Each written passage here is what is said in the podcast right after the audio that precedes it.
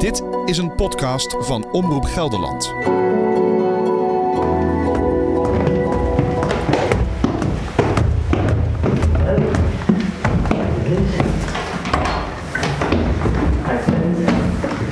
Nou, we zitten boven de toren.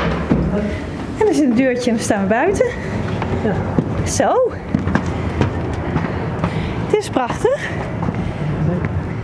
Even kijken, wat moet u dan hijsen? Welke twee vlaggen? De Twee masten zie ik. En de Hollandse. Elke dag. Nee, alleen op dinsdag. Alleen op dinsdag als de vergadering ja. is.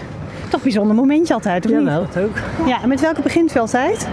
Eerst Nederland, dan Europa of andersom? Nee, oh, met die Hollandse. Altijd met de Nederlands beginnen, Ja. dan Europa. Nou, gaan we dat nu ook doen? Ik moet even de ding pakken. Ja. Hijgens ben ik achter Ronald Plugge, coördinator facilitaire zaken van de Eerste Kamer, aangeklommen. Alle trappen van de Mauritstoren op. De vier eeuwen oude toren op de hoek van het Binnenhof. Elke dinsdag klimt Ronald naar boven om de vlag te hijsen. Waarmee het feit dat de Eerste Kamerleden bij elkaar komen voor iedereen goed zichtbaar is. Het straalt trots uit. Is dat terecht? Is die Eerste Kamer een belangrijk instituut? De antwoorden op deze vragen krijg ik van de Kamerleden, die verrassend genoeg niet allemaal vinden dat de Eerste Kamer waardevol is. Maar ook van wetenschappers die zich erin verdiept hebben en tot verrassende conclusies komen. Mijn naam is Annemieke Schakelaar en dit is de podcastserie De Staat van de Senaat, gemaakt voor Omroep Gelderland. Aflevering 3. Check, check, dubbelcheck.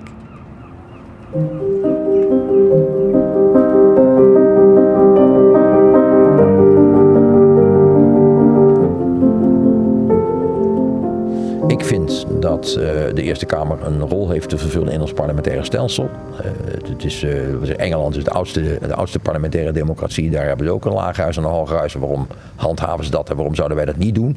Maar een slecht argument. Nee, dat is niet Omdat waar. zij het doen, moeten ja, wij het nee, ook dat doen. is waar. Nee, maar de belangrijkste reden vind ik dat er een soort check, een soort controle plaats blijft vinden op datgene wat zeg, de waan van de dag aan de overkant eh, in de Tweede Kamer aan politieke resultaten eh, oplevert. Dat zegt oud Eerste Kamervoorzitter Fred de Graaf uit Apeldoorn.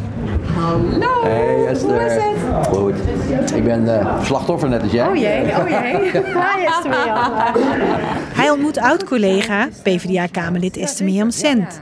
Ook Gelders en ook overtuigd van het nut van de Eerste Kamer. De Eerste Kamer moet kijken naar de kwaliteit van wetgeving, eh, moet kijken naar de uitvoerbaarheid, handhaafbaarheid, rechtmatigheid. Dus je kijkt echt naar kan het, mag het, klopt het.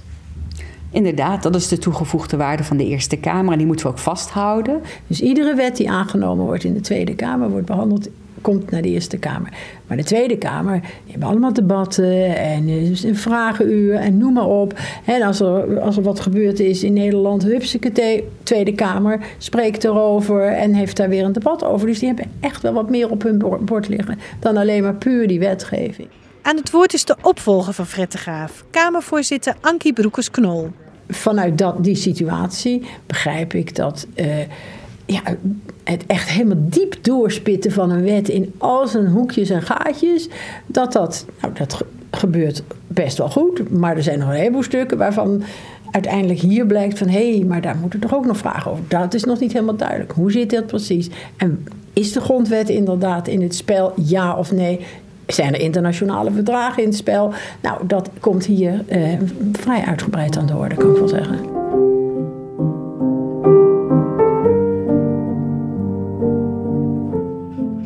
Als uit die check blijkt dat de senatoren het wetsvoorstel van hun collega's uit de Tweede Kamer niet goed vinden, kunnen ze elke wetswijziging blokkeren. De Eerste Kamer moet elk voorstel goedkeuren en is daarmee een machtig instituut, zegt hoogleraar staatsrecht Wim Voermans. Ja, de Eerste Kamer is veel machtiger dan de Tweede Kamer. De House of Lords in het Verenigd Koninkrijk heeft ook veel minder te zeggen dan onze Eerste Kamer. Eh, de Senaat in Frankrijk heeft lang niet zoveel te zeggen. Ook eh, de, het Senaat in Italië, of de, dat, is, eh, werkelijk, dat heeft geen equivalent. Dat bevestigt ook parlementair historicus Bert van der Braak. Hoor ik u nu goed dat u zegt eigenlijk binnen, nou ja, laten we zo zeggen, West-Europa is er niet één Eerste Kamer zo machtig als die in Nederland? Ja, die, nee, dat, kan je, dat kan je zo zeggen. Ja, zeker. De Eerste Kamer kan in principe alle wetsvoorstellen die eh, door de Tweede Kamer zijn aangenomen, alsnog tegenhouden. En dat is raar, volgens hoogleraar Voermans. Dat is wel een beetje vreemd natuurlijk, dat de indirect gekozen Kamer, die voor één dag in de week uh, maar bij elkaar is, waar, nou ja, zou je flauw kunnen zeggen, amateurpolitici zitten, uh, dat die uiteindelijk uitmaken wat er gebeurt. En het uiteindelijke woord moet bij de Tweede Kamer zitten en niet bij de Eerste Kamer. En dat is nu het geval. Het ja. uiteindelijke woord is bij de Eerste Kamer. En die macht die past niet bij een instituut dat niet eens rechtstreeks gekozen is. Precies, u zegt het. En, en, en daar moet je serieus over na willen denken. We hebben geen correctiekamer nodig om uh, wel rechtstreeks gekozen parlement met een heel indirect mandaat dan eens even de les te gaan lezen. Dat, is niet, uh, dat gaat niet aan.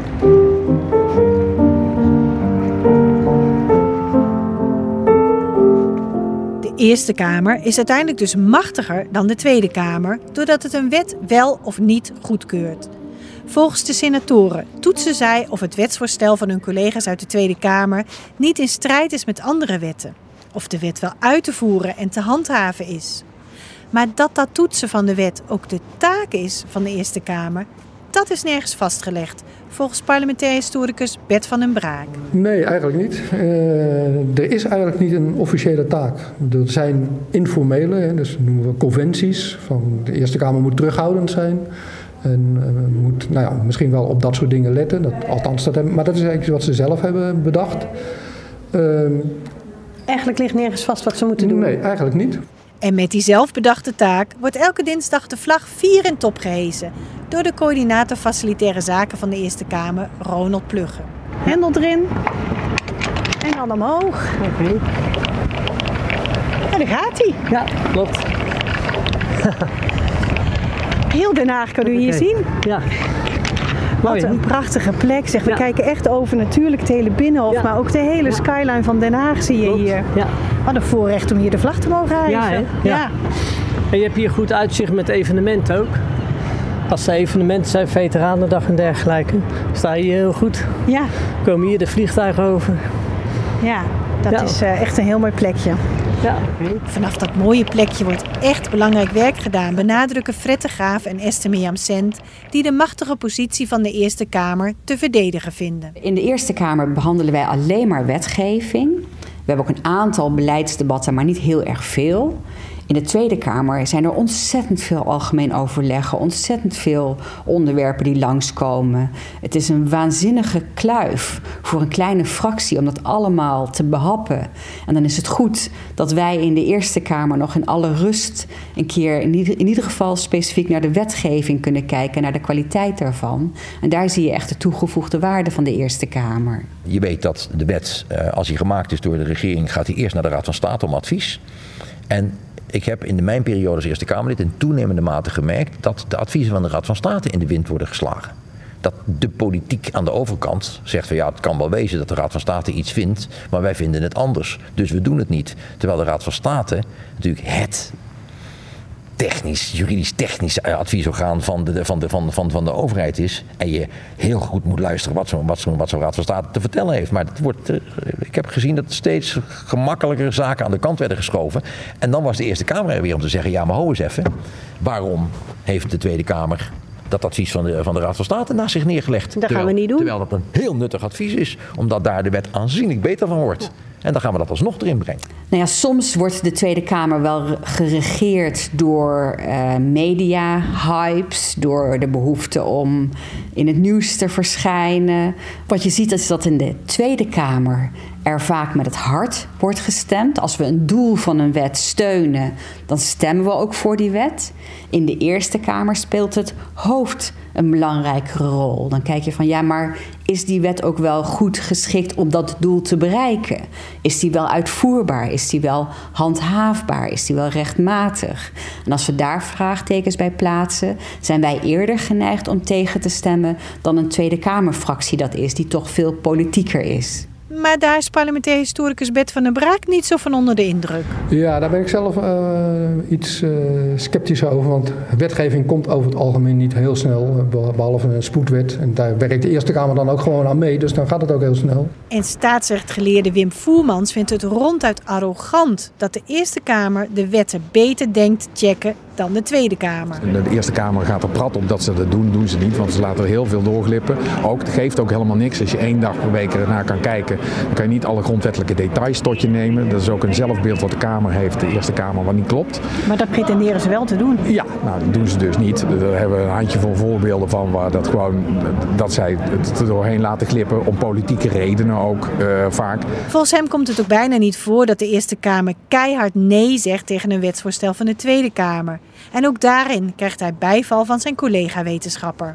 Dat er niet zoveel werd verworpen kwam vooral omdat die regeringsfracties eigenlijk altijd uh, toch ook een meerderheid hadden hier. Dat, maar dan is het dus toch eigenlijk gewoon politiek. Want je, je zou zeggen, de Eerste Kamerleden kijken gewoon echt nou, is, zit een wet goed in elkaar? Uh, klopt die? Uh, ze zeggen zelf altijd, we kijken, is die rechtmatig? Is die uitvoerbaar? Is die te handhaven? Ja. Maar uiteindelijk is dan tochgene wat beslissend is, is vinden wij gewoon politiek een goed idee. En dan gaan we, stemmen we gewoon mee met onze fracties in de Tweede Kamer. Ja, dat is eigenlijk wel zo. Want het is een politiek lichaam en maakt politieke keuzes. En bepaalt ook op politieke gronden hoe zwaar ze al die criteria, die ze best wel ook bekijken, hoe, hoe zwaar ze die laten wegen. Maar dan zit je toch eigenlijk in twee kamers twee keer hetzelfde te doen? Nou ja, uh, je zou kunnen zeggen dat bij wetgeving die minder uh, essentieel is voor het kabinet, daar zullen ze misschien wat makkelijker kritisch zijn. En uh, ja, in andere gevallen kunnen ze dat niet, hebben ze wat minder speelruimte. Maar ze kunnen wel altijd dreigen met dat, uh, voor, uh, met dat vetorecht. Dus ze kunnen altijd dreigen om tegen te stemmen. En dat gebeurt wel veel, hè? En dat gebeurt veel. En dat betekent ook dat, dat het kabinet toch vaak wel enige toezeggingen moet doen. Uh, ja, dat kan per geval verschillen. Dus soms is het een beetje window dressing uh, uh, voor de vorm wat toezeggingen. Maar soms zijn het ook echt belangrijke toezeggingen. Dus dan zegt de Eerste Kamer niet keihard nee, maar ze dreigen met een keihard nee. En worden dan eigenlijk, wordt dan de minister teruggestuurd van maak nog wat aanpassingen en dan uh, zeggen ja. we wel ja. Ja, of aanpassingen in de bestaande wet. Of hij, uh, de minister moet toezeggen van nou ja, ik ga bij de uitvoering ga ik daar rekening mee houden. Of ik wacht nog even met invoeren. Of ik zorg dat er na een jaar een evaluatie komt. Of nou ja, allemaal van dat soort toezeggingen. En die komen echt veel voor. Dus dat, dat zit, zit daar ook de waarde van die Eerste Kamer in? Ja, dat, ja ik zou zeggen dat dat inderdaad de, de, grote betekenis is. En wat misschien ook nog wel twee andere dingen. Je zou kunnen zeggen, het heeft een soort psychologische werking. Dus um, uh, het is niet zo dat alles wat de Tweede Kamer heeft aangenomen, dat dat direct wet is. Je hebt nog een tweede instantie. En je ziet ook heel vaak dat burgers pas in die tweede instantie echt in actie komen en dan naar de Eerste Kamer kunnen. En dan toch nog kunnen kijken of er nog iets kan worden veranderd. Of zelfs kan worden tegengehouden. Nou, dat gebeurt dus niet zoveel. Maar toch, ze hebben nog een tweede instantie om toch nog bezwaren naar voren te brengen.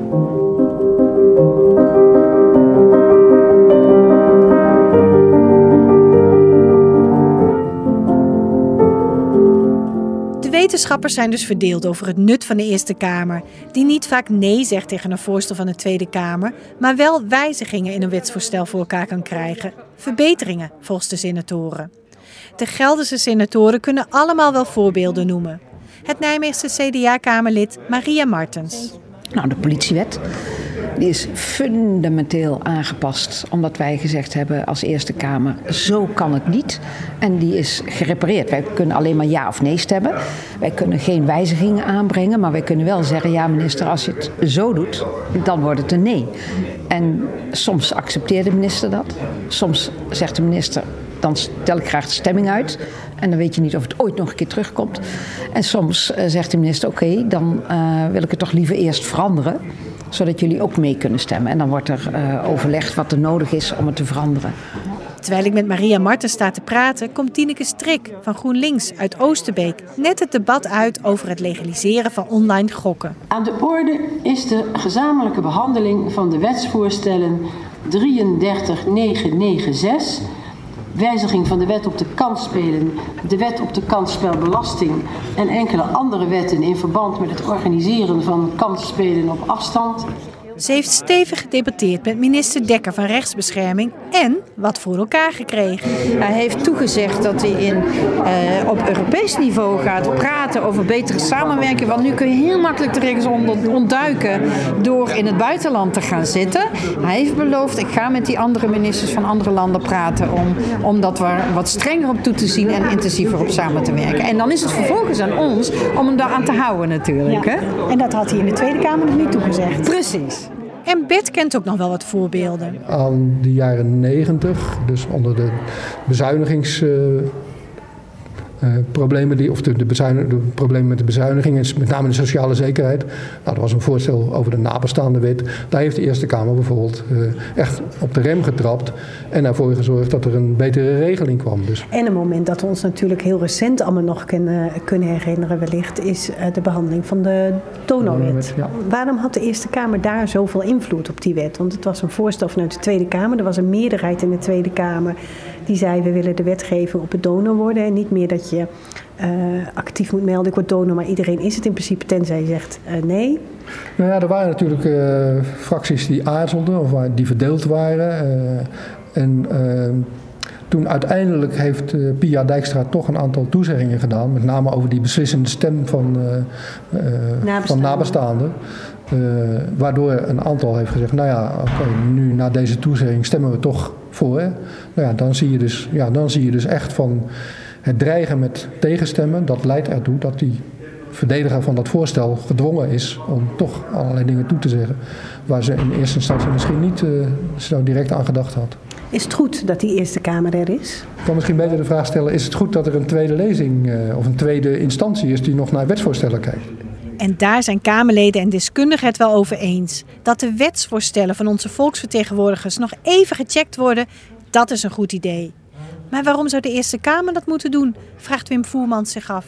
Ze vertegenwoordigen niet de provincie, ze vertegenwoordigen niet de hele bevolking, ze vertegenwoordigen de partijtop voor een gedeelte. Uh, maar als je ziet hoe ze de argumentatie in elkaar steken van waar ze voor staan, dan gaat de Eerste Kamer in zijn eigen argumentatie vooral over de Eerste Kamer. Uh, wat goed dat wij er zijn en daarom moeten wij er zijn en, en daarom is het ook zinnig dat wij er zijn. En daarmee is de knuppel in het hoenderhok gegooid. Wie zegt eigenlijk dat de Eerste Kamerleden moeten doen wat ze doen?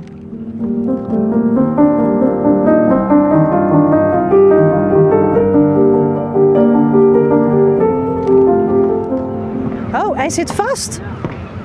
Oh jee.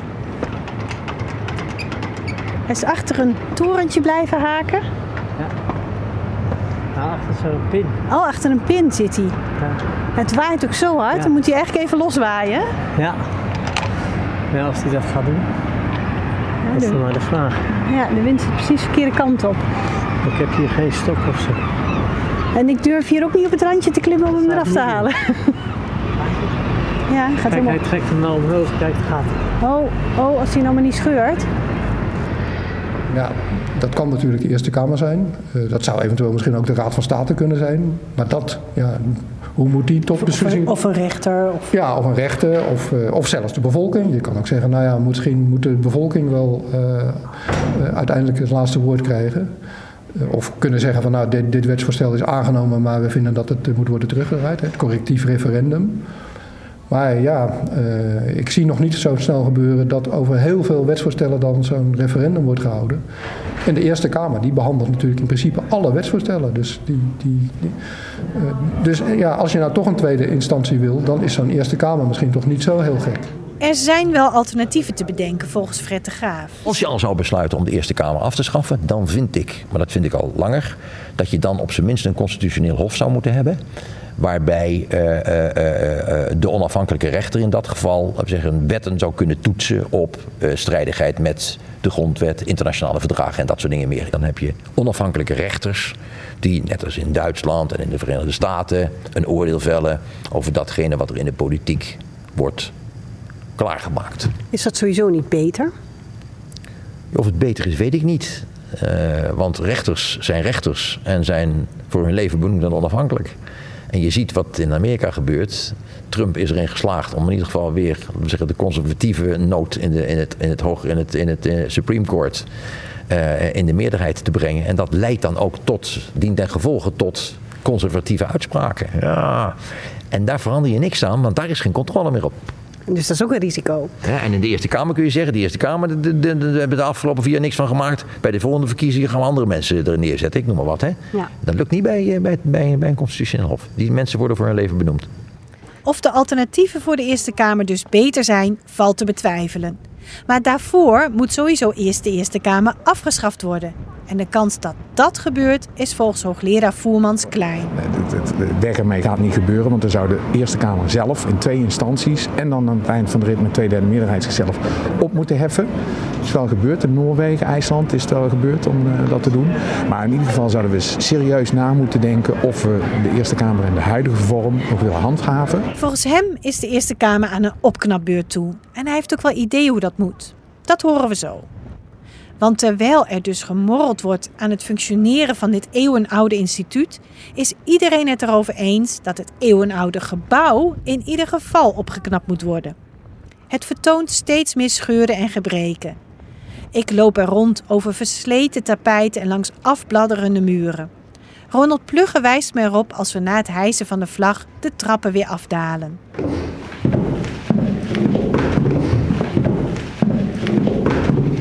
Kan hier zien dat dit gebouw, die buitenmuren... Wacht even hoor. Wat zijn Die buitenmuren, daar, die, hier moet echt iets aan gedaan worden. Hè? Ze zijn helemaal, ja, het, het laat helemaal los. Het... Ja, klopt. En dat zie je op veel meer plekken in dit gebouw, dat er echt een overvloed aan bekabeling is. En die gaat er dadelijk met de renovatie helemaal uit. Ja. Dat is ook de bedoeling. Ja, ja het is al een opknapbeurtje toe, hè, die Eerste Kamer. Dat kun je wel zeggen. Op meer plekken is te zien dat renovatie van het gebouw nodig is, toont oud-voorzitter Fred de Graaf. In de kamer van Mary Stewart bijvoorbeeld, de vrouw van stadhouder Willem II. Ik denk dat hier nog niet veel gebeurt. Nee, zie je het? Dat is nog steeds dezelfde oude rommel. Nou ja, oude rommel, oude rommel vind ik ja. wat wel oneerbiedig hoor. Nou, maar kijk, kijk daarboven. Dat is, dat is, al zie je alle leidingen lopen. Dan moet je kijken, hoe haal je het in je kop om daar gewoon, om daar gewoon een soort dakgoot in te leggen. He, die, je gewoon, die gewoon aan de buitenkant van een huis hebt. Een dak groot, er liggen kabels in. Dat ga je ja. dat in, in zo'n monumentale kamer ga je dat toch niet doen? Want we, we, kijken nu naar een prachtig houten plafond, zwart met gouden ja, uh, versieringen. Ja, en daaronder is, is, een soort bruine, uh, ja, uh, inderdaad dakgoot, dakgoot aangebracht. Een dakgoot, een kunststof dakgoot. Waar kabels in liggen die er dan ook nog niet helemaal in passen. Want die komen hier in de hoeken allemaal weer uit. en hier in de hoek ook. Het ziet er niet uit. Nou, en wat die, die wand... Daar, daar wordt u boos van? Ja, daar ben ik kwaad over. Dit, dit, dit, zo ga je niet met een gebouw om. Maar goed, die, dit, dit, is, dit is ook niet echt. Dit is geprint. De wandbekleding, die je ziet met hele historische tafereelen. Dat zijn gobelins normaal ja. gesproken. Alleen dit, deze zijn nageprint. Gewoon op hema.nl is dit ja, even precies. Kijk maar, hier. Dat is gewoon geprint op doek. Ja. De originele zijn er. Die liggen in het Rijksmuseum. Misschien een betere plek? Nee, want die liggen beneden in de kelder en die krijgt niemand te zien. Dus de bedoeling is dat als de boel hier opgeknapt is, na enige jaren, en het volgend jaar gaan we eruit hier, we gaan ze eruit. Dan wordt dit allemaal opgeknapt, weer in de oude staat gesteld. En dan is de bedoeling dat de originele Gobelins weer terugkomen. Het gebouw van de Eerste Kamer wordt dus grondig gerenoveerd. Volgend jaar moet iedereen eruit en een paar jaar in een ander gebouw werken en vergaderen. De vraag is wat voor democratisch instituut er straks terugkeert. Want omdat er van verschillende kanten vraagtekens worden gezet bij de macht van de niet door de bevolking rechtstreeks gekozen Eerste Kamer, is er een commissie ingesteld die moest kijken of het anders kan of moet.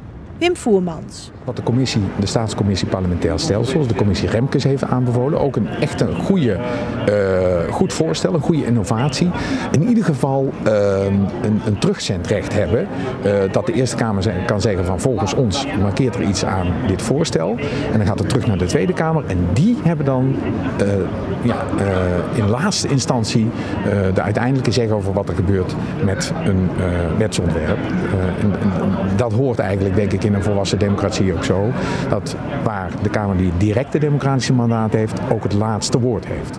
Het voorstel ligt er van de commissie. Om de Senaat niet alleen maar ja of nee tegen een wetsvoorstel te laten zeggen, maar ook dit vinden we niet goed, doe het maar over. Zodat de Tweede Kamer met een ander voorstel kan komen. Over het rechtstreeks kiezen van de Eerste Kamer rept het advies niet. Best opvallend, want veel van de mensen die ik spreek in de Eerste Kamer zijn daar voorstander van. Ik zou daarvoor zijn. Eigenlijk ook omdat die Eerste Kamerverkiezingen nu helemaal de provinciale statenverkiezingen overschaduwen. En over, ja, uh, Maar dat betekent dan wel, ja, je moet niet twee rechtstreeks gekozen uh, kamers hebben die dan concurrent worden. Dus dat kan alleen maar als je dan iets doet aan de macht van de Eerste Kamer. Dus dan zou de Eerste Kamer iets minder macht moeten hebben. Want anders zit je twee keer hetzelfde te ja, doen. en anders krijg je dus inderdaad van ja, welke van de twee kamers is nou de echte vertegenwoordiger van het volk. En Ja. dat kunnen we natuurlijk niet hebben. Bert van den Braak krijgt bijval van Marjolein Faber uit Hoevelaken... die namens de PVV in de Eerste Kamer zit. Nou, wat vind je daarvan, dat je hier niet rechtstreeks gekozen zit? Dat vind ik jammer, want ik had liever gehad dat we rechtstreeks gekozen worden. Ja, zou dat ook moeten voor de Eerste Kamer? Of krijg je dan te veel twee kamers die hetzelfde ding doen? Nou ja, dat heb je in feite nu al. De Eerste Kamer is een politiek eh, orgaan. En eh, wij zeggen ook van nou schaf die Eerste Kamer maar af. Hoe groot acht je de kans dat het ooit zover komt dat we de Eerste Kamer gaan afschaffen? Want dan moeten we twee derde meerderheid hebben in de Ja. Tweede Kamer, twee derde meerderheid Ja. in de Eerste Kamer. Ik denk dat ze het niet gaan doen. Oh, voorzichtig. Ja, gaat. Ja, hij is los, gelukkig. En, en de boel is nog heel zo te zien. Ja, oké. De bliksemafleider ook, dus dat is Nou, mooi. Hè, gelukkig. Kunnen we weer naar beneden. Ja, maar dat is het nadeel van die spoorstenen. Dus zal de vlag nog wel even in top blijven... en gaat er eind mei weer een nieuwe club Eerste Kamerleden voor vier jaar aan de slag. Hoe wordt die club eigenlijk gekozen? Waardoor laten onze Gelderse leden van Provinciale Staten hun stem bepalen? Dat hoor je in de volgende aflevering. Ik voel me absoluut Nijmeegs of Gelders. Je wordt toch ook een beetje gezien als, als, als landsdeel of provincievertegenwoordiger.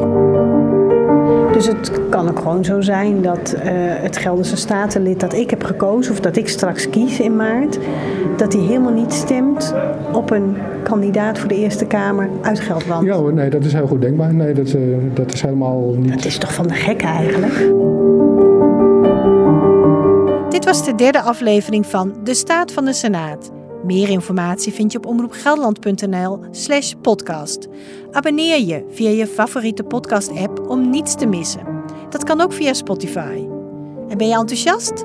Leuk als je anderen over mijn serie vertelt. Bedankt voor het luisteren.